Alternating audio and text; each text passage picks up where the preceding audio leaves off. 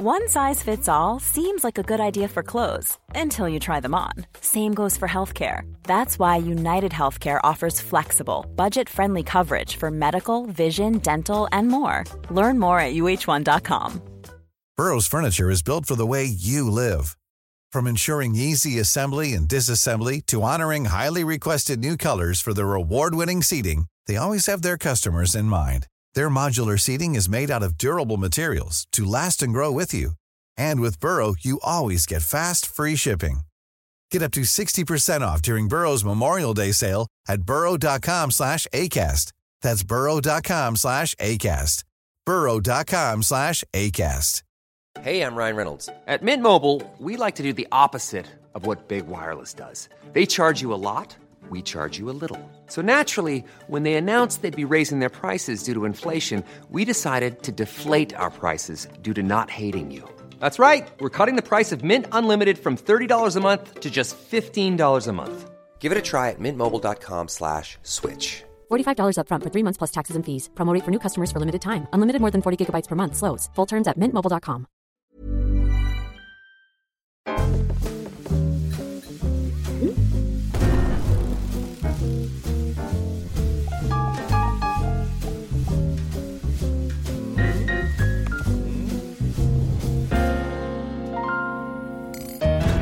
Då ska ni åter känna er hjärtligt välkomna till Hockeylabbet, podcasten som eh, tar ett helhetsgrepp om eh, hockeyanalys. Henrik Larsson heter jag och eh, har som alltid med mig Simon Brännström.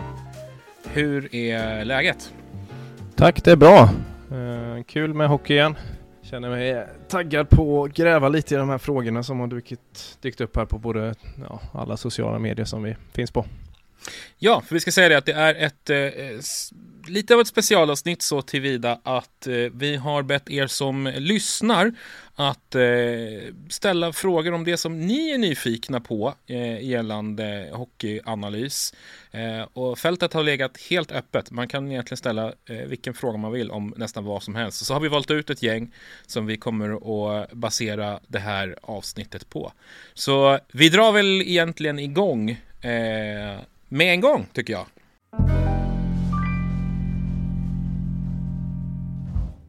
Första ämnet som vi eh, kommer att ta tag i är väl det som kanske har mest aktuell prägel sett till vad som diskuteras i Hockeysverige just nu. Eh, och det gäller Björklöven. Jesper Björklund har eh, hört av sig till oss och eh, helt enkelt bett om en djupdykning i Björklövens siffror. Vad är det som talar för att det borde vända och vad är det som är oroväckande? Och Björklöven har ju sannerligen varit på tapeten den här säsongen. Eh, man ligger skapligt till tabellmässigt i Hockeyallsvenskan, men eh, framförallt så har det ställts väldigt stora frågetecken runt defensiven. Och eh, Simon, det är ju lite där vi eh, kommer att hamna, eller hur? När vi kikar på vad det är som inte funkar för Löven den här säsongen. Ja, jo men absolut. Det är, men det är lite samma visa som det var förra året. Det var ju mycket snack om frejdig offensiv och eh, kanske lite mer tveksam defensiv. Eh, och det är väl eh, åt det hållet i år. Eh, men stora skillnaden är väl att offensiven inte är riktigt lika frejdig som tidigare. Nej, man har ju inte riktigt fått ut de här enorma siffrorna som man fick av, av Pooley och Schilke till exempel förra säsongen. Miles Powell har kommit in och varit bra. Eh, men som du är inne på, man balanserar inte ut det där riktigt eh, och defensiven läcker betänkligt. Vi kan väl ta lite, liksom lite reda siffror runt, runt Löven som är ganska allvarliga. Just nu är man det lag som eh, släpper till eh, flest oddman rushes av samtliga lag i lika styrka i Hockeysvenskan. Det är alltså av alla lag sämre än Västervik och Östersund. Och det är en trend som man klev på i, i fjol kan man säga. Då, då låg man 12 i den kategorin, så det var redan problematiskt i fjol. Året dessförinnan, då var man bäst i Hockeyallsvenskan på den typen av defensiva kategorier. Det är ingen bra utveckling. Nej, men det är sånt där som kostar väldigt mycket i, i form av XG mot. Där eh, chanser, alltså två mot ett eller tre mot två, två värderas väldigt högt. Eh, men eh, att jämföra dem med Östersund och sådär, det kanske inte är helt fair skulle jag säga. De, eh, Björklöven har ju definitivt mer puck i anfallszon och det blir ju också såklart mycket fler lägen att ställa om för eh, motståndarna när eh, Björklöven har mycket puck. Så det är väl lite, kanske lite, ja, lite, inte helt rättvist att jämföra rakt av sådär, men du är helt rätt i det. Jag såg att fem av Fem av de 18 sämsta spelarna om man säger så, eller de som släpper till flest oddman rushes emot är ju Björklövens eh, backar. Och det, och det, leder oss lite grann lite in i nästa, nästa steg i, i det vi hade tänkt prata om gällande Löven och det är ju, det är ju lite grann matchningsfrågan i, eh, på backsidan. Eh, där du har plockat fram lite siffror på att man kanske inte är superbra på att utnyttja de starkaste backarna på rätt sätt. Eh, nej, men om vi ska kolla på kanske något positivt så är det intressant att kolla på forwards först när det gäller matchningen. Eh, när jag kollar matchning så kollar jag alltså istid 5 mot 5 kontra hur bra XG-procent de har när de är på isen. Eh, och där vill man ju att korrelationen mellan istid och XG-procent ska vara hög, alltså att man matchar sina spelare mycket som har, eh, som har hög XG. Eh, och vi ser nästan ett perfekt förhållande när det gäller forwardsidan i Björklöven. Att de, de forwards som, eh, som spelar mycket är också de som har väldigt höga siffror. Och vice versa. Det vill säga de spelarna som varit lite sämre eller haft en sämre XG-procent så får vi spela mindre 5 mot 5. Så där ser vi ett bra förhållande. Så mm, koll på det verkar ju ha stråle. Och vi kan, kan vi nämna några exempel på några av de bästa forwardsen i, i, eh, i Löven till exempel. Du har Maxim Fortier som gör en väldigt fin säsong i, i båda riktningar egentligen och Miles Powell som framförallt offensivt ser ruggigt bra ut. Ja, även Meyer och Possler har väldigt fina siffror och får spela mycket 5 mot 5. Ska vi, ska, vi la, ska vi landa ja. lite kring vår, alltså Gustav Possler börjar ju växa fram till en poddfavorit ändå. Han, han, eh, du ja. lyfte ju honom i, i avsnitt två. På Exakt, den, kan, den, den, kanske största slamkryparen i, i quizhistorien. Ja, men det är väl underbart när man hittar någon sån här, eh, som man börjar prata om eh, spelare väldigt oväntat, eller som man inte alltid liksom tänker på jättemycket kanske.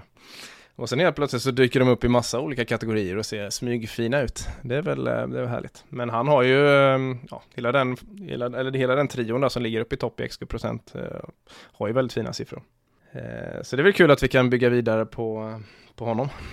Ja, han, han, vi ska väl säga det, han, han, han eh, får ju spela i en väldigt bra omgivning som ju eh, hjälper honom att boosta hans siffror säkerligen. Men, men han gör bra saker där ute, helt klart. Han har, han har helt enkelt väldigt fina underliggande siffror rakt igenom, Gustav Possler. Eh, mm. En liten eh, underskattad pjäs, bra komplement ja, vi, ska, vi kanske ska nämna några i andra sidan av det där spektrat som inte får spela så mycket som har lite sämre siffror så är det väl kanske framförallt eh, Jakob Olofsson och Fredrik Andersson och Malte Sjögren som alla har ganska svaga siffror men också får istid därefter. Då. Mm. Och som man, som man matchar väldigt hårt också i Eh, defensiva uppgifter. Fredrik Andersson har ju till exempel, han har bara under 15% offensiva zonstarter. Så det är alltid en som man börjar med egen zon. Och de har det ganska tufft därifrån också. Ja, annars kan man se generellt att jag tycker inte att de verkar matcha särskilt hårt om man jämför med andra lag i, eh, i allsvenskan. Så sticker de inte ut på något sätt egentligen när det gäller matchning av eh, ja, topp 6 eller topp 3 eller så. Utan de ligger ganska mycket på eh, medelsiffror vad det gäller matchning.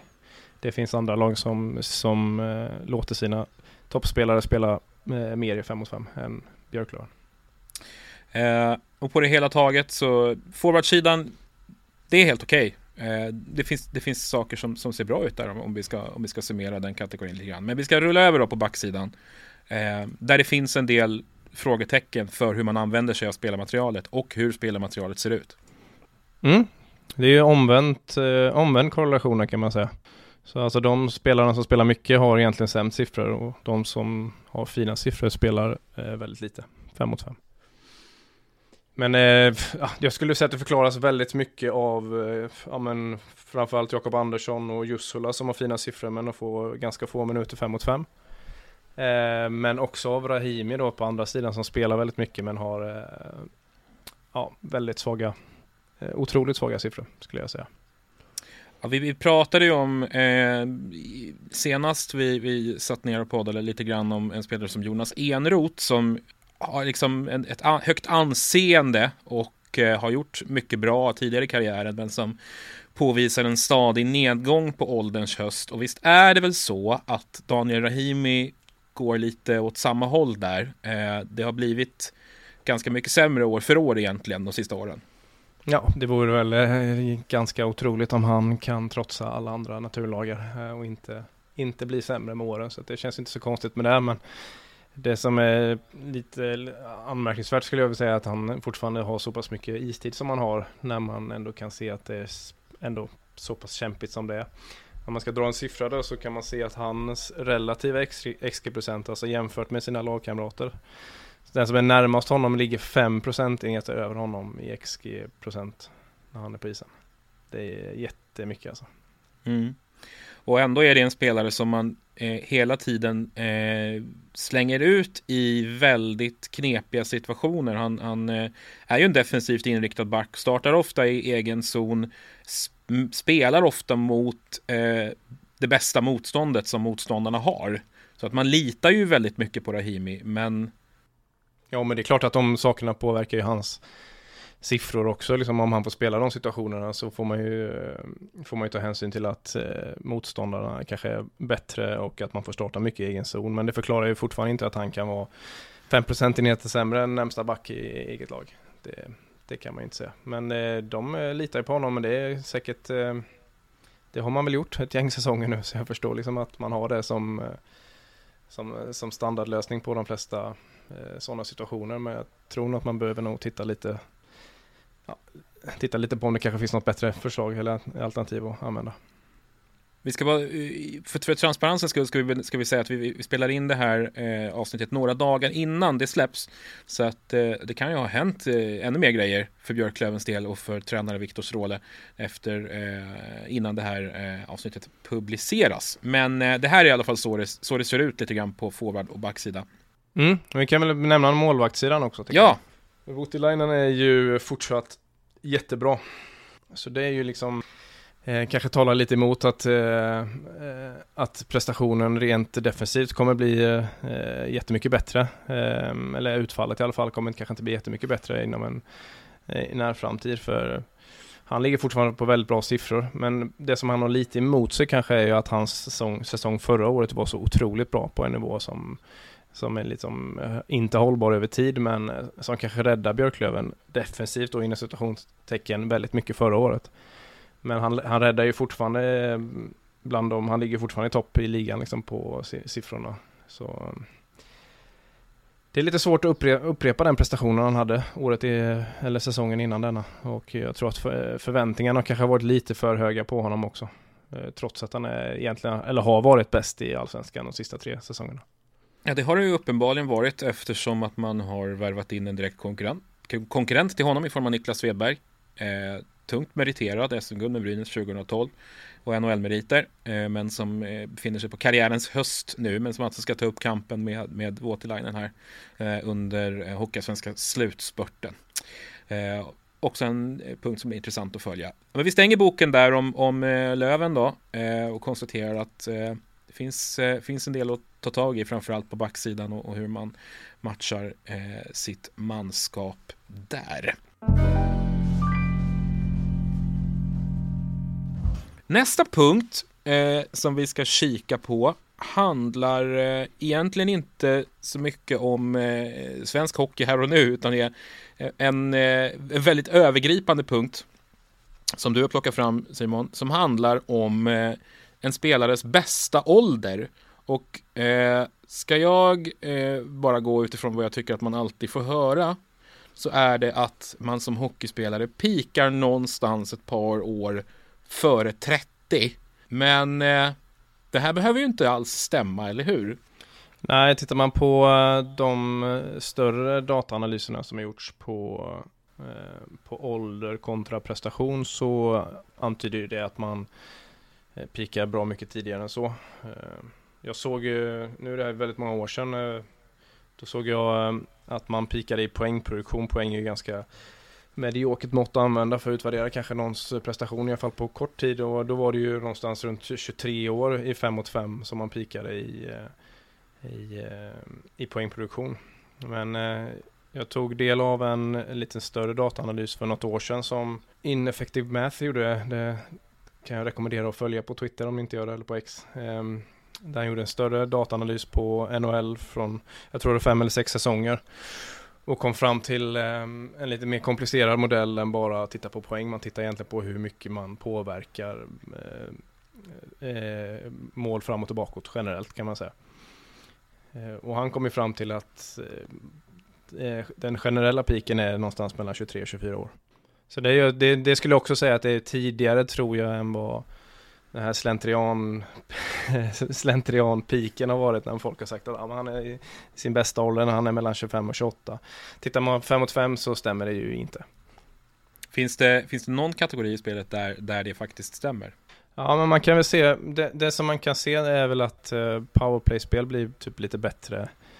Uh, men jag tror att det också lite beror på att de spelarna som överlever längre uh, är sådana som är väldigt skillade i powerplay. Så själva liksom den blir lite skewed, alltså den blir lite, det kanske blir, inte blir helt rättvist egentligen när man tittar på det. Uh, för jag tror att de spelarna som, blivit, som är väldigt bra i, 5 mot 4 kanske fortfarande tappar egentligen 5 mot 5 men de kompenserar det genom att spela mycket powerplay och kanske spela med bra spelare generellt sett. Vad är det för data då som ligger, ligger till grund? Uh, och han har ju kollat på NHL. Uh, ehm, och det, jag tror att han hade jag tror att eh, totala datan var över 16 säsonger eller någonting. Och det var runt 2000 spelare eller så de tittade på. Så det är ju, det är ju, det är ju diger data liksom. Det känns, eh, själva metoden känns ju väldigt eh, solid. Vet du om man kan se några tendenser i om liksom peakåldern förflyttas åt något håll eh, under åren? Den frågan har nog inte ställts riktigt i den analysen. Men det är ju möjligt eh, att det kan vara så. Jag tror att det är lätt att, att, tänka också att de här spelarna, det finns många spelare som är bra, eh, är bra runt 30 också, och 30 plus. Det finns ju sådana också. Men det är någon form av omvänd eh, survivorship bias kan man säga. Det är, som, det är ganska få ganska få spelare som lyckas behålla den eh, förlängda piken eller vad man ska kalla det.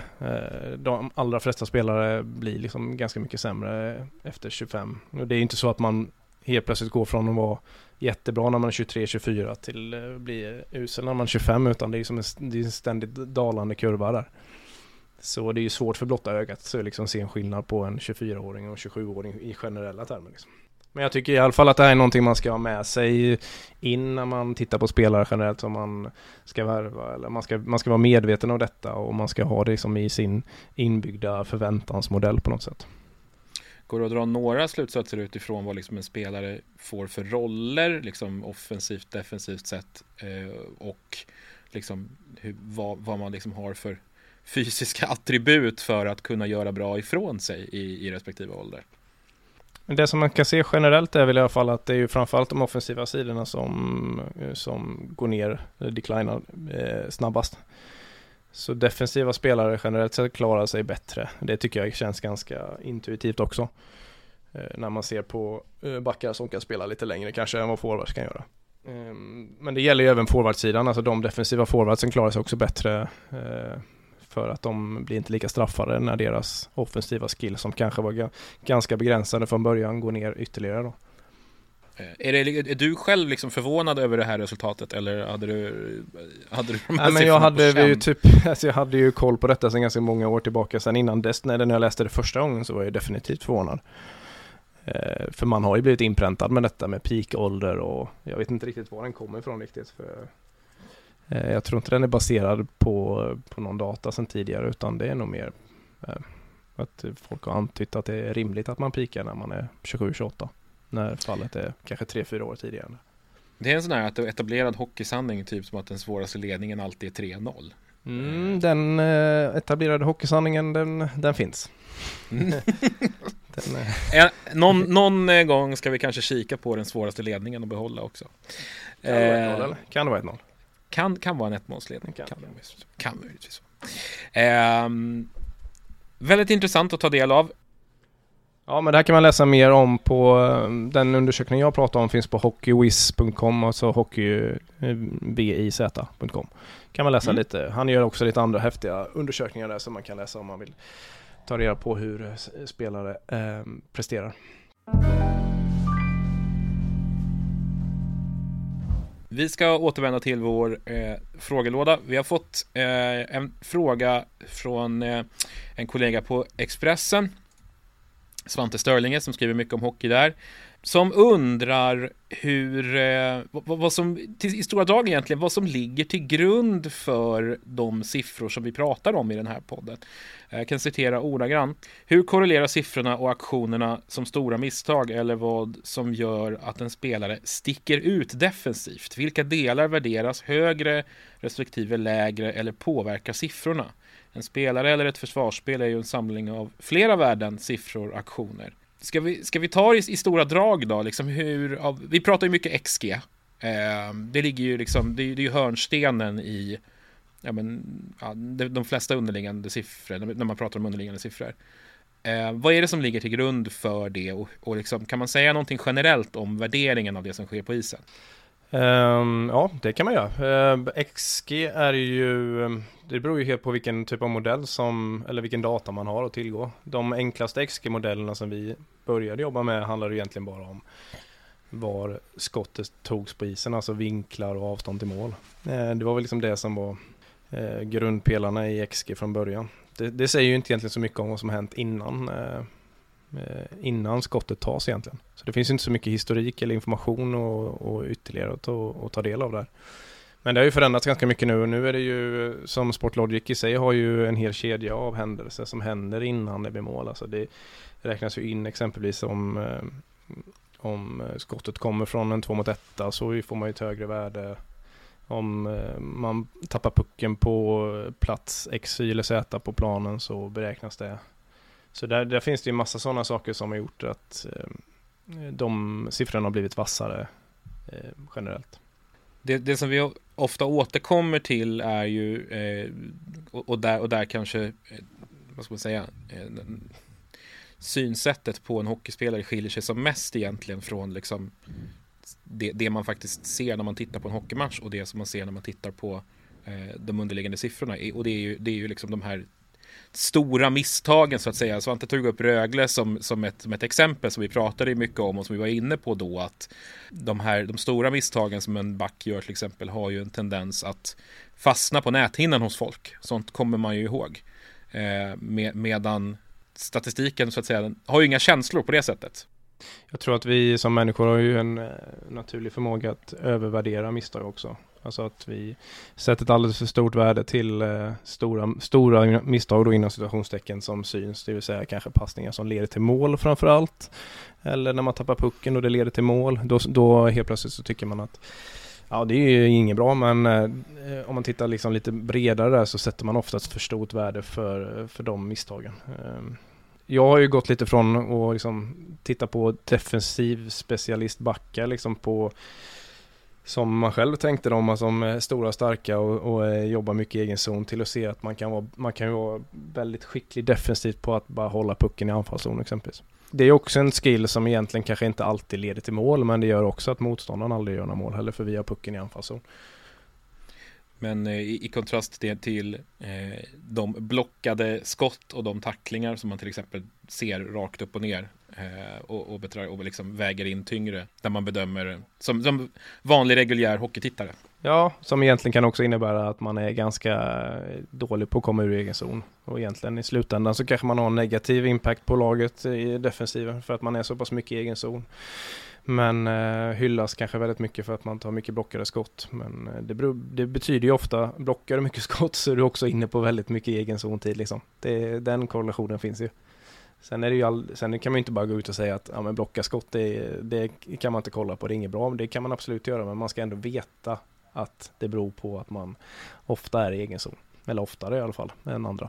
Men jag tror, jag tror att den där själva idén om eh, defensiv, vad som, vad, vad som är en bra defensiv spelare har förändrats lite grann. Eh, och jag tror nog faktiskt att det kommer förändras ännu mer när man kanske förstår lite eh, hur saker och ting hänger ihop. Att eh, en spelare som ser, som kanske gör några större misstag per säsong men gör egentligen allt annat rätt kanske kommer eh, egentligen eh, värderas högre än en, en, en, spelare som gör mindre misstag som inte syns ofta. Vi eh, hoppas att, att det var ett, ett uttömmande svar nog. Jag tyckte du täckte in det rätt bra. Eh, vi fick en, en, fråga ifrån eh, Pontus Krång som eh, tycker att det skulle vara intressant om vi kunde ta fram siffror på Mora-målvakten Walter Ignatjevs eh, efter det att Andreas Ljunggren, det vill säga dåvarande andra målvakten i Mora, försvann till Östersund. För hans känsla eh, och eh, som han upplever att många Mora-fans delar är att han inte har varit lika bra efter det. Mm, jag kollar lite um, um prestationsmått um, över hela säsongen egentligen. Uh, och det är som du säger, han har ju legat på en ganska jämn nivå. Eh, uh, ja, väldigt hög nivå eh, från start. Men eh, kan ändå se en liten eh, sliding scale av prestationer, att det har blivit lite sämre och ja, det är någonstans runt 20 november där och då var det ju något annat som hände. Men, men hur, hur mycket sämre har det blivit då? Är det, något, är det, liksom, är det alarmerande? Mm, nej, men det är det ju inte. Det är väl så inom eh, ramen för så naturlig fluktuation för målvakt kan man säga. Så det, det är ju svårt att säga liksom Nej, det är inte alarmerande på något sätt. Det är, det är helt rimligt att man går lite upp och ner. Men eh, han har ju liksom helt rätt i att prestationen inte har varit lika bra sen dess sen och eh, säga vad som beror på vad. Det är, det är svårt att säga. Om man kollar på Andreas Ljunggrens siffror så tror jag inte han har känt någon jättestor större konkurrens av dem, för de är ju väldigt svaga. Och eh, var ju det under hela tiden som han var i, i Mora också helt enkelt, eh, för, för, att summera, eh, Emil hade rätt och Mora-fansen har rätt i sin känsla. Han har blivit lite, lite sämre. Men mm. på intet sätt en, en dålig målvakt numera. Mm, nej, nej. Alltså, jag skulle ändå, ändå, säga att han har legat stadigt över liksom, snittmålvakten i ligan fram till 20 november. Och där är första gången han går under. Mm. Men sen ligger han ungefär runt nollstrecket och så han har spelat ungefär som en genomsnittlig målvakt ungefär sedan dess. Så det är liksom inte, om man, om man pratar från hans tidigare nivå så är det ju liksom inte, det är inte, det är inte lika bra liksom, men det är ju, eh, ja. Han har ju helt klart en poäng här. Sen vad det beror på, det, det lämnar jag osagt. Ja, den typen av slutsatser drar vi inte i den här podcasten. Eh, vi hänger kvar lite i målvaktsspåret. Mm. Jag fick frågan vad som har hänt med Dickov. Ja, vad är det som har hänt med Dickov? Um, ja, men han har väl radat upp, jag tror han har stått fem matcher och haft fyra prestationer som har varit liksom genom taket kan man väl säga. Um, det är väl det som har hänt. Att han har, han, om man tittar på hans år som han hade i Kristianstad så, så hade han ju också ett, ett gäng sådana här matcher där han eh, totalt stängde igen liksom. Jag, jag tycker inte att det det är inget som är konstigt. Det är ju inte statistiskt hållbart liksom att rädda ett mål per match överväntat som han har gjort. Det är ju inte något som HV kan räkna med under en längre tid. Intressant eh, för HVs del, för det här behövde man. Eh, Joni Ortio har haft en jättestrulig säsong. Han har inte varit eh, på topp alls. Nej, också en liksom nästan nedåt, nedåtgående trend också för Ortio. Ja, och, men hade ju å andra sidan sin peak eh, ungefär, startade väl ungefär vid den här tiden, lite mm. senare kanske, i fjol. Då han lyfte sig helt plötsligt. Så det är ju mm. eh, lite lustigt om, om eh, HVs säsong ska räddas av en glödhet målvakt igen. Tidigt, visserligen, mm. men Dickov har ju börjat bra. Väldigt, väldigt bra. Ja, jag trodde du sa att Ortiz skulle stå nu för eh, februari och mars är alltid hans bästa månader. Då har du fått lägga ner den här podden. Ja, då hade inte du velat prata med mig va?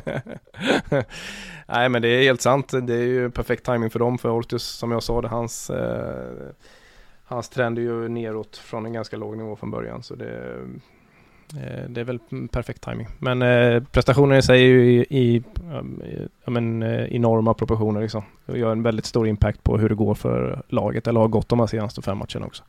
Vi ska hänga kvar lite grann i, i målvaktssnacket. Vi har ju en tendens att fastna runt målvakter. Det är intressant att prata om målvakter. Eh, det tycker även Macke som har eh, hört av sig med en fråga. Eh, han undrar vilka målvakter med minst 100 till 150 SHL-matcher ligger bäst respektive sämst till och då gäller det alltså förväntade mål i SHL. Eh, hans utgångspunkt som, som jag tolkar det Rögle-supporter är ju då eh, en diskussion om Kristoffer Rifalk som vi eh, pratade en del om i vårt första avsnitt eh, som en av de huvudsakliga anledningarna till att Rögle haft det tungt i år. Att Rifalk också har haft det tungt, men att han också har sett över tid varit en målvakt som inte har tillhört något toppskikt i SHL. Så att eh, Simon, det är bara crunch your numbers eh, och tala om för oss över tid vilka som, är, eh, vilka som sticker ut i positiv respektive negativ riktning i SHL de senaste åren. Mm. Då använder jag ju alltid samma siffra men jag kanske kan gå igenom det en gång ifall det är några som inte det tycker jag, det kan vi, det kan vi kosta på oss. Ut. Ja, för jag vill ju veta hur bra en målvakt är i sin omgivning och då kan man inte titta på räddningsprocent för att eh, räddningsprocent tar inte hänsyn till någonting till hur bra försvaret är, All, alltså hur, hur svåra chanser som eh, laget man har framför sig släpper till i genomsnitt. Så ett, eh, spelar ett lag, exempelvis som HV igår, eller i år, som släpper till väldigt farliga chanser i genomsnitt så, så är det ju svårare att ha en hög räddningsprocent än vad det exempelvis är i Växjö. Som eh, alltid och historiskt har varit väldigt bra på att släppa till eh, mindre farliga chanser. Eh, är du med på vad jag menar? Jag tror det. Eh, så därför vill man ju titta på chanserna då som, som målvaktens lag släpper till och så vill man titta på hur farlig eh, snittchansen är. Mm. Och, och, och, genom att titta på det så kan man få fram en räddningsprocent, alltså vad man bör rädda. Eh, för säg att eh, genomsnittschansen i 5 mot 5 eh, eh, är 5 procent. Då vill du rädda 95 procent för att, att, ligga på par, eller, alltså som en genomsnittsmålvakt. Sen tittar man på den eh, faktiska räddningsprocenten i 5 mot 5. Och så kollar man på skillnaden däremellan. Så det betyder alltså om du har en målvakt som har eh, en förväntad räddningsprocent på eh, 95 och så har han en faktisk räddningsprocent på 96 i 5 mot 5. Då har han alltså räddat en procentenhet mer än förväntat. Eh, det är väl den bästa modellen tycker jag man kan kolla på och man vill ju kolla på så mycket data som möjligt så därför kollar jag på 5 mot 5 för annars blir det lite skevt beroende på vilka som har spelat mest i boxplay och det blir en helt annan siffra. Så jag kollar på 5 mot 5 och då har vi ett gäng målvakter som eh, jag kan också säga att alla målvakter i stort sett ligger mellan minus 1 och plus 1. Så, så liten är skillnaden mellan en riktigt bra mm. målvakt och en sämre målvakt. Så skillnaden är ju väldigt svår. Det är små. Det är rätt svårt att se med blotta ögat om en målvakt räddar en halv procentenhet bättre. Men nu är vi nyfikna på, eh, vi vill ha lite namn. Eh, ja.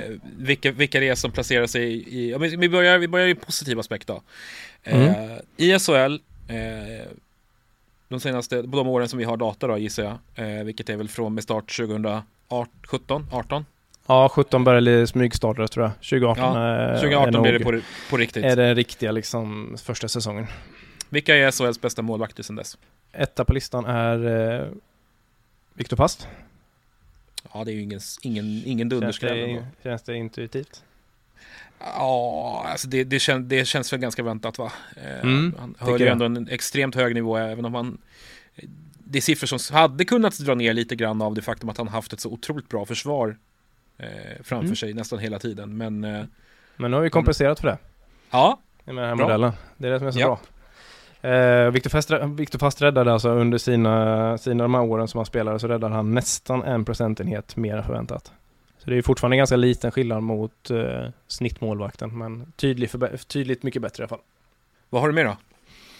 Eh, tvåa på listan är eh, Gustav Lindvall. Mm. Han har också spelat eh, nästan 2000 minuter mer i 5 mot 5 än Viktor Fast, så stadiga siffror på honom. Eh, får man ändå säga. Verkligen. Är du förvånad?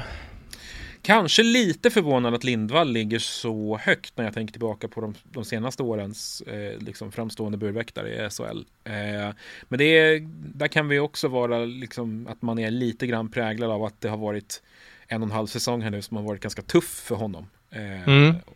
Och att han hade en inledning på karriären som också kanske var lite eh, halvstökig. Men, men, mm. eh, men det, det var ju under en ganska, ganska lång tid som, som han ju var extremt framstående. Återigen en, en bra målvakt i ett väldigt bra lag.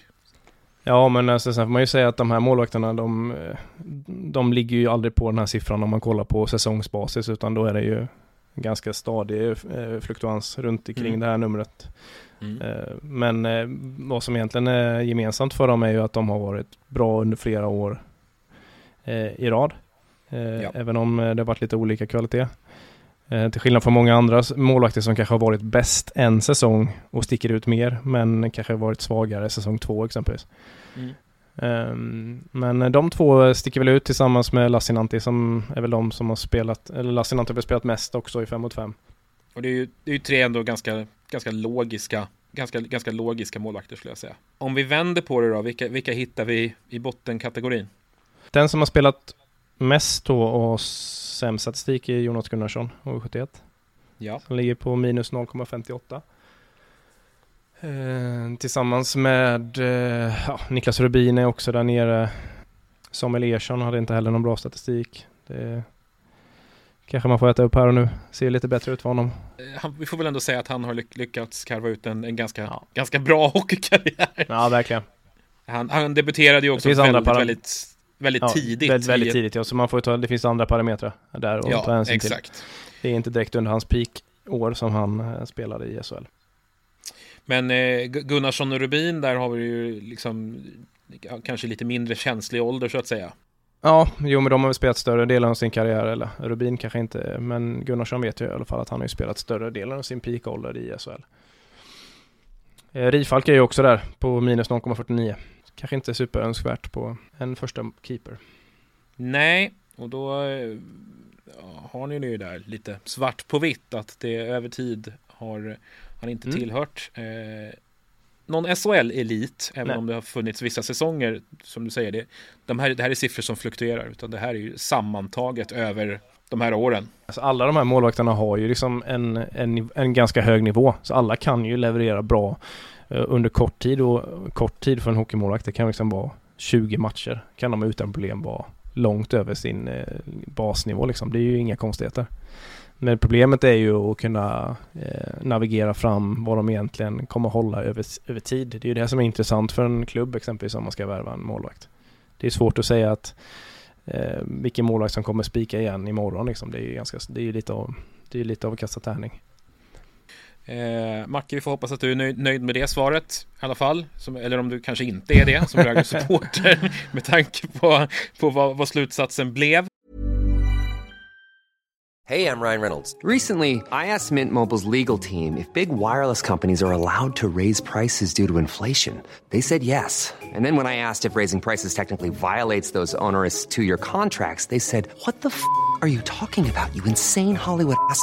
F- So to recap, we're cutting the price of Mint Unlimited from $30 a month to just $15 a month. Give it a try at mintmobile.com slash switch. $45 upfront for three months plus taxes and fees. Promo for new customers for limited time. Unlimited more than 40 gigabytes per month. Slows. Full terms at mintmobile.com. Hiring for your small business? If you're not looking for professionals on LinkedIn, you're looking in the wrong place. That's like looking for your car keys in a fish tank. LinkedIn helps you hire professionals you can't find anywhere else, even those who aren't actively searching for a new job but might be open to the perfect role. In a given month, over 70% of LinkedIn users don't even visit other leading job sites. So start looking in the right place. With LinkedIn, you can hire professionals like a professional. Post your free job on linkedin.com slash people today.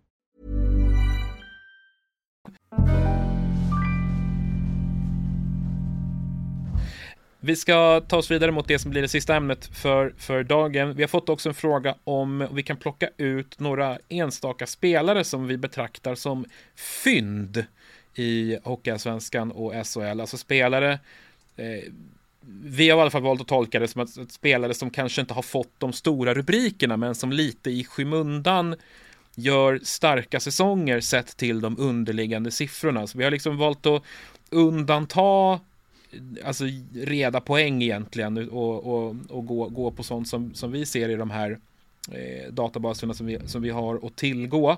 Jag har plockat ut ett litet gäng och du som den, den riktiga experten får ju eh, säga bu eller bä här Ja. nu. Men som sagt, det genomgående temat är med spelare som kanske inte har fått supermycket press, men, men som har gjort det, gjort det bra i ett antal kategorier. Vi kan, ska vi börja i Hockeyallsvenskan? Du får fylla på med om du har några Ja, ytterligare också. Eh, till att börja med tog ut Hampus Harlestam, Ja. som ju ryktas vara klar för SSK här under eh, slutspurten i Hockeyallsvenskan. kommer från flera bra säsonger i Almtuna. Gjorde också ett, ett eh, ganska stadigt inhopp i Skellefteå när han, när han kallades in där som panik eh. Extremt allround, defensivt jättesolid och eh, har varit bra också under flera år. Så att eh, Harlestam är en spelare som jag tycker förtjänar mer cred. Som också... Men du, stängde du av dina hörlurar när vi pratade om age och decay innan eller? är inte han 30? Tydligen gjorde jag det. Jo, det är han. är 30. Men absolut, jag hör dig. Eh, men vi har å andra sidan fått se eh, spelare komma från Hockeyallsvenskan i relativt hög ålder och göra, göra rätt bra ifrån sig i SHL. Mm. Så att, eh, vi får se. Jag tror absolut att han kommer att kunna liksom, tillföra ytterligare stadga i, i, i Södertälje. Det är, en, det är en väldigt gedigen hockeyspelare helt enkelt. Mm. Jag, kan, jag kan fylla i emellan. Gör det. nu um, sitter jag och kollar lite på uppstuds här, men jag hittar Linus Lindblom i Brynäs. Mm. Vad är det som sticker ut hos, hos Linus? Uh, jättemycket. Uh, mm. Både defensiva egenskaper som, som sticker ut, men också att han uh, skapar väldigt mycket chanser framåt. Men har inte fått någon utdelning alls egentligen i år. fin ålder, tio år yngre än Harlestam. Mm. Mm. Men om man, om man kollar på underliggande siffror så ser han eh, smygfin ut och eh, har ju, verkar inte ha något förtroende direkt. Jag ser att han sp spelar ju väldigt lite och sådär. Mm. Eh, så eh, spännande uppsida. Eh, så jag, jag fyller på med ytterligare en gubbe. Ludvig Levinsson i Mora. Har eh, gjort hyggligt med poäng men han har verkligen fina spetsegenskaper ligger jättehögt upp i Offense Generating Plays, alltså det här sammantagna måttet för liksom, insatser i, i, i offensiv riktning och även eh, possession-drivande eh, kategorier.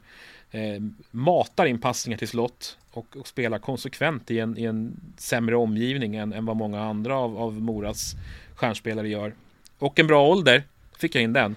Kul! Eh, så att, eh, jag tror han bara är 22 eller 23. Ja, han ser fin ut och verkar, verkar ta mycket ansvar för puck. Eh, ja, men mycket saker som ser härliga ut. Defensiva måtten som eh, sladdar lite. Men eh, spännande ändå med mycket annat som, är, som tillhör de här yttre percentilerna i, i databasen peak-kategorierna är riktigt smarriga på honom. Mm. Helt klart. Det är fränt med folk som tar mycket ansvar för ingångar och liksom Alltså prioriterar att det kontrolleras också. Men det är väl lite, lite spelstil där med Mora som också gillar att spela på det här sättet. Vilket vi var inne på när vi pratade vid senast, bland annat. Just det. Om, eh, Johan Hedbergs övergång från Mora till Örebro. När man pratar Södertälje så är det ju lätt att fastna på offensiva spjutspetsar där som, som Videll och Marcus Eriksson. Eh, jag tycker att Dominic Turgeon förtjänar, förtjänar lite mer cred. Eh, han är väldigt solid rakt igenom egentligen. Eh, inte helt olik Harlestam på det sättet. Eh, och eh, li ligger väldigt högt i kategorierna eh, i arbetet runt både offensivt och det egna målet.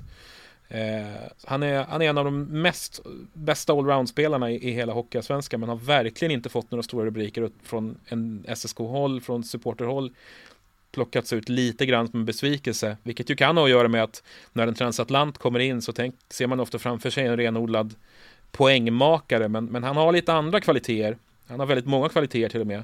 Eh, men eh, de mest framträdande kanske inte handlar om att göra spektakulära offensiva insatser på isen. Men Turgeon tycker jag förtjänar mer cred egentligen. Han är, han är riktigt bra på väldigt, väldigt mycket.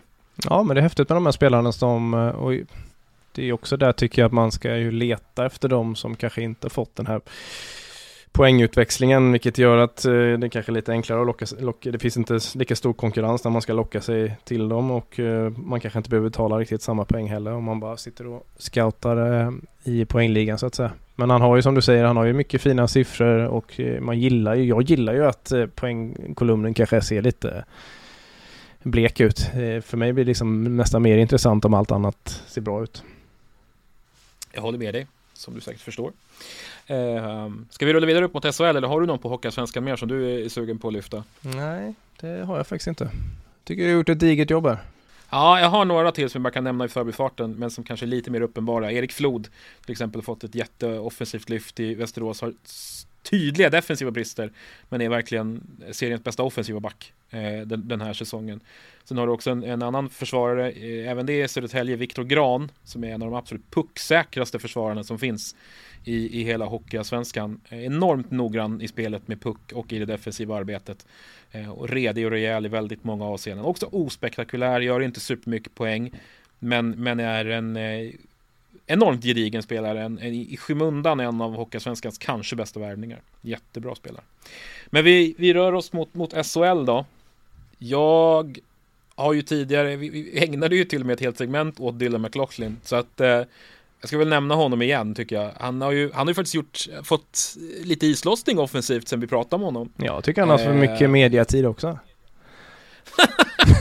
Eller? Det har han ju faktiskt fått. Eh, han är ingen hidden, han är ingen hidden gem längre. Nej, nu har vi liksom släppt fram honom i ljuset så att alla får se exakt hur bra han är. Ja, men för att repetera då, han är ju en han är ju elit i att flytta pucken ut ur egen zon och att etablera spel i offensiv zon. Och nu har han faktiskt börjat få lite offensiv avkastning på sitt spel också. Så mm. det är en Man kan ju se att det här chans, chansgenereringen har ju liksom gått åt rätt håll hela tiden också. Mm. Så man får säga att du var tidig på där med din Dylan. det är det enda jag kommer kunna ta cred för när vi summerar den här, den här podden i, i sommar sen. Eh, men eh, men jag, jag, gillar honom som sagt. Utgående avtal i, eh, i Växjö, vilket är lite intressant. Han borde inte sakna intressenter eh, efter en sån här säsong. Han, han, han tycker jag är intressant. Spännande. Har du någon, eh, har du någon mer? Jag har några till. Har du någon du vill ta emellan? Ja, men jag, jag tycker det är spännande att lyssna på dina. Och så kan jag följa upp med, så kan jag följa Sitter upp du och dömer, dömer mig under tystnad? nej, nej, nej. Uh... Jag sitter och följer upp dem här. Jag blir imponerad av din, uh, kanske borde starta scoutingverksamhet här. Så... Mm. Vi får, behöva en, en, vi får starta ytterligare en side business här. Mm. Uh, ja, men jag, jag, tar några till då. Jag har sett att det från, från Luleå-håll har knorrats en del gällande Jack Connolly att han är alldeles för eh, trubbig och ineffektiv och att det händer för lite runt honom. Men jag tycker man ska vara jävligt rädda om honom. Där har vi en som gör jobbet som inte syns i, i eh, mål och assistkolumn. Eh, han gör visserligen en del poäng, eh, men det är framförallt spelet utan puck som är, som är ruggigt bra. Han är extremt rejäl i egen zon. Han vinner jättemycket lösa puckar. Han är enormt bra på loose puck recoveries och 50-50 dueller. Eh, sen vet jag att du inte, inte är intresserad av den kategorin, men han tekar ju också väldigt bra. Så att Jack Connolly tycker jag Luleå ska vara rädda. Jag är inte ointresserad. du, men du har konsekvent spelat ner tekningen Ja, men det borde alla, det borde alla göra faktiskt. Eh, men så Jack Connolly tycker jag Luleå-fansen ska vara lite rädda om, eh, faktiskt. För han gör, han gör mycket bra i det tysta. Ja, är han i bra ålder eller? Nej, det är han inte. Han är 34 år gammal. ja. Men han håller stilen. Ja, ja absolut. Det man, eh, man måste kunna ha lite gamla, gamla gubbar i laget också. Det, så är det definitivt. Veteran men det, presence. Men det är Sånt har vi inga siffror på. Nej, det borde vi ha kanske. Ja, det, den, det är en kategori som är svår att mäta. Ja. Eh, men så, så, Jack Connolly, eh, inte, inte utvecklingsbar ålder, men eh, eh, intressant av, av andra. Ja. Men kollar man på hans eh, siffror i övrigt så ligger de ju ganska solitt de senaste åren. Det är liksom inte så att man känner någon kraftig nedgång i någonting direkt utan han har legat där han eh, har gjort i stort sett. Eh, så han, han, han, fortsätter att prestera på den här nivån som han har gjort under så många, många år. Han börjar väl bli en av de som samlar på sig mest SHL-matcher av alla importer genom tiderna snart. Eh, han, var bra. han har varit solid länge. Men okej okay då, ska jag flytta över på någon som är lite, lite bättre ålder då? Eh, Gärna. Har du sådana? Vi, ja, vi, vi, touchade honom lite grann eh, här, här om sistens när vi poddade. Viktor Stjernborg tar kliv i Växjö. Han har ju utvecklats till en karaktär som liksom personifierar Växjös sätt att spela hockey ganska mycket. Eh, väx, vuxit gradvis in i SHL-kostymen, tagit stora kliv i år. Är framförallt en extremt eh, defensivt solid spelare han också. Han har väl lägst eller next, näst lägst XG bakåt tror jag i, i hela SHL. Spelar i ett lag som, som ju eh, underlättar för, för att boosta den typen av siffror. Men, men det är mycket som ser bra ut i de defensiva kategorierna för en så ung spelare, vilket inte är särskilt vanligt. Eh, man har haft tålamod med honom och, och valt att liksom bygga, bygga långsiktigt med, med Stjärnborg. Man har ju inte haft något jätteinflöde av unga spelare från den egna verksamheten Växjö. Han är ju lite av ett undantag där Stjärnborg. Eh, mm. Även om han väl från början inte är från Växjö eh, men likväl har gått genom juniorleden. Så att eh, han sticker ut lite grann för mig och är ju definitivt i bra ålder, eller hur? Ja, det får man verkligen säga. Min eh, AI-generator kallar honom för en unseen ghost. Unseen Ghost? Ja. Vad, vad, ja, men det är playing with a solid defense but almost non-existent in the offens offensive front. Mm. Eh, det är väl lite oroväckande tycker jag att han, har ganska dålig output framåt. Men som du säger, det ser ju väldigt fint ut bakåt men det känns eh, också lite lagdrivet med tanke på eh, defensiven i laget där. Mm. Ehm, försiktigt skeptiska, får jag vara det?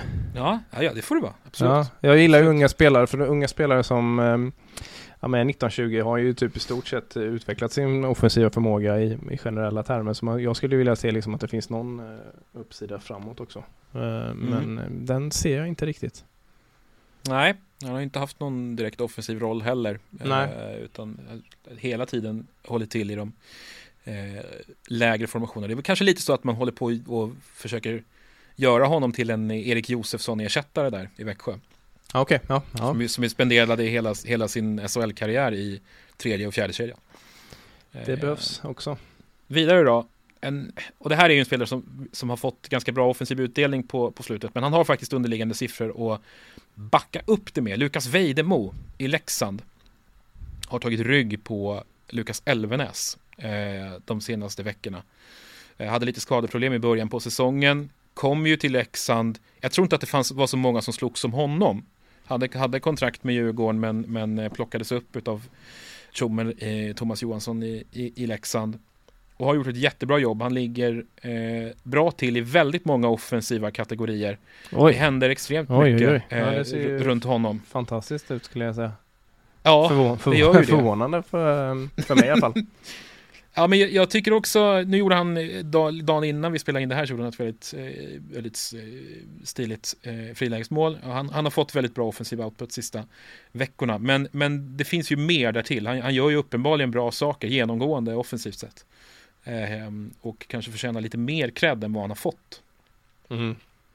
Ja, men man ser, ser på vilka spelare som han ligger i samma grupp som i det här scoutingverktyget som jag använder och det är ju det är bara kända och bra namn så att säga. Så det är, det är ett gott betyg. Eh, intressant att se honom fortsätta teama upp med övriga offensiva spjutspetsar där i Leksand. Här har han ju en väldigt bra offensiv omgivning. Vi har ju lyft Lukas Elvenäs som är SHLs kanske bästa offensiva spelare den här säsongen tidigare. Ska vi gå defensivt igen då, när vi pratar allround-spelare, så fastnade jag lite på eh, Jonathan Andersson i Färjestad. Eh, Färjestad har ju kanske inte de mer namnkunniga eh, backsidan om man, om man backar av från liksom första backpar. Där man ju har eh, Dahlström och Nygren. Eh, och sen även Joel Nyström som ju är en, en, spelare som bidrar mycket i offensiv riktning. Men man har flera backar som, som gör, gör bra ifrån sig genomgående. Jonathan Andersson känns ju som en sån här spelare som han var ju verkligen ingen sån som man, som man slogs för att behålla i, i Luleå och verkligen ingen sån som har gjort något större väsen av sig men han har lite i skymundan en av sina absolut bästa säsonger i karriären och eh, fortsätter att inte göra särskilt mycket väsen av sig annat än att vara eh, väldigt bra på väldigt mycket. Ja, det är imponerande med de där spelarna som eh, eh har så här, alltså, som är spets, spets, flera spetsar. Fast mm. eh, kanske inte de eh, kategorierna som man eh, enklast ser så att säga. Nej, utan det är liksom väldigt mycket så här duktig på att vinna lösa puckar. Eh, uppenbarligen så håller han sig rätt placerad, hamnar liksom väldigt sällan i, i, eh, i farliga situationer emot sig. Eh, läser passningar, han, han liksom ligger, en sån som man pratar om som ligger rätt Eh, uppenbarligen en sån som Jonathan Andersson är. Hög, hög procentandel i, i rätta passningar. Han, han, ligger, han ligger bra till på väldigt mycket. Sånt som, som inte är särskilt spektakulärt. Men som säkert är sjukt uppskattat i ett lag. Ja, spännande. Är inte så spännande egentligen. Det, det är bara... det är bara bra. Jo, lite spännande tycker jag. Lite, Jag tycker, det är lite kul, spännande. jag tycker det är kul när du lyfter upp sådana som jag, spelare som jag inte tänkt på på hela säsongen. Då blir, då blir man glad. Mm, det är det vi har den här podden till. Ja. Eh, avslutningsvis på eh, har jag nå, några också sådana här strönamn som, som jag tycker har lite egenskaper som är lite intressanta. Alltså Lud, Ludvig Larsson tycker jag sticker ut lite grann i Örebro. Eh, de har det kämpigt men, men, och Larsson också. Eh, har inte fått någon större offensiv output men har eh, gans, ganska bra bakomliggande siffror i ett lag som har väldiga offensiva problem. Jag tycker Rögles backsida, i, vi hamnar där igen, den är, den är intressant. Eh, där har man ju gjort sig av med, med Thomas Gregoire. Eh, och jag har sett att en sån som Ludvig Claesson får ganska mycket kritik. Kan ju nämna att de tre bästa backparen sett till XG-procent i Rögle, de innehåller Ludvig Claesson.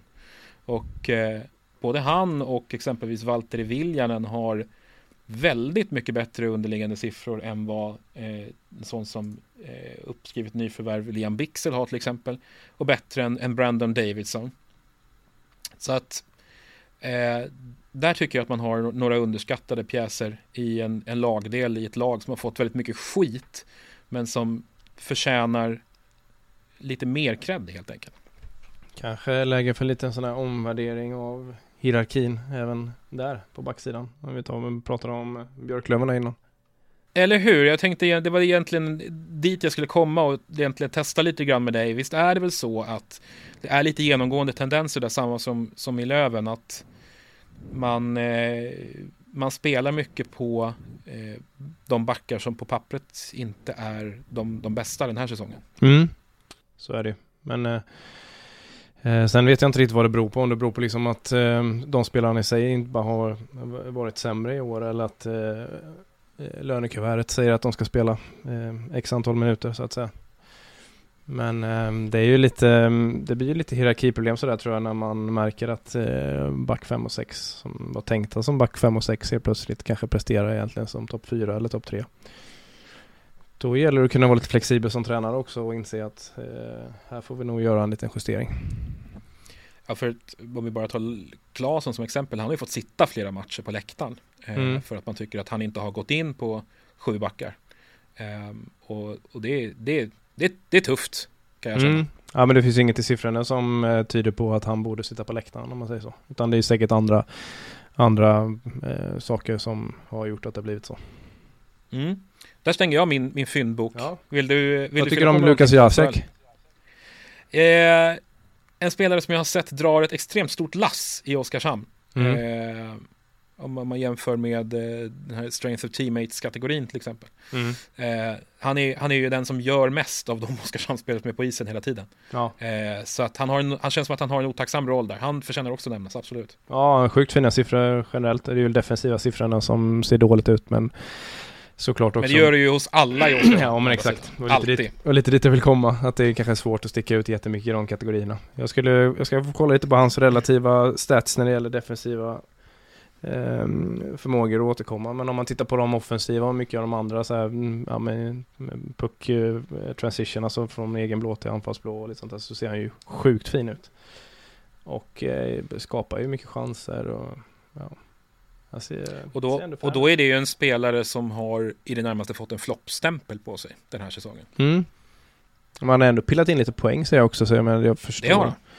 Men eh, det har ju såklart med förväntningar att göra. Men kollar man typ på chansskapande och ja, eh, så, så finns det ju mycket att ta där. Topp 10% i XG och bra på passningar till slott framåt och bra på att kontrollera ingångar. Ja, det är mycket som ser fint ut. Onekligen. Han är ju i peakålder Jag också. håller med. Att Bara en sån sak. Alltså han är 26 då, så jag menar den här gamla, gammel, gammelhockey peakåldern. Vi får hålla isär begreppen här nu känner jag.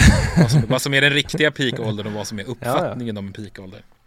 Om ni har ytterligare funderingar som ni vill, eh, vill att vi ska ta upp i podden så skicka dem till eh, oss på Twitter slash X. Eh, vi heter som vi heter, Henrik Larsson och Simon Brännström. Eller så hör ni av er till vårt eh, Instagram-konto som är Hockeylabbet Pod. Eh, där eh, kan man antingen skriva ett DM eller bara en kommentar på någonting som vi har skrivit sedan tidigare. Så eh, kanske vi kan plocka upp det längre fram. Eh, så stort tack till alla som ställde frågor. Stort tack till alla som väljer att lyssna på oss. Eh, vi eh, återkommer igen med ett nytt färskt avsnitt om cirka två veckor. Mom deserves the best, and there's no better place to shop for Mother's Day than Whole Foods Market. They're your destination for unbeatable savings, from premium gifts to show-stopping flowers and irresistible desserts. Start by saving 33% with Prime on all body care and candles. Then get a 15-stem bunch of tulips for just $9.99 each with Prime. Round out Mom's menu with festive rosé, irresistible berry chantilly cake, and more special treats. Come celebrate Mother's Day at Whole Foods Market. Hi, I'm Daniel, founder of Pretty Litter. Did you know cats tend to hide symptoms of sickness and pain? I learned this the hard way after losing my cat, Gingy. So I created Pretty Litter, a health monitoring litter that helps detect early signs of illness by changing colors, saving you money and potentially your cat's life. Pretty Litter is veterinarian developed, and it's the easiest way to keep tabs on your fur baby's health right at home. Go to prettylitter.com and use code ACAST for 20% off your first order and a free cat toy. Terms and conditions apply. See site for details. Mom deserves the best, and there's no better place to shop for Mother's Day than Whole Foods Market. They're your destination for unbeatable savings, from premium gifts to show-stopping flowers and irresistible desserts. Start by saving 33% with Prime on all body care and candles. Then get a 15-stem bunch of tulips for just $9.99 each with Prime. Round out Mom's menu with festive rosé, irresistible berry chantilly cake, and more special treats. Come celebrate Mother's Day at Whole Foods Market.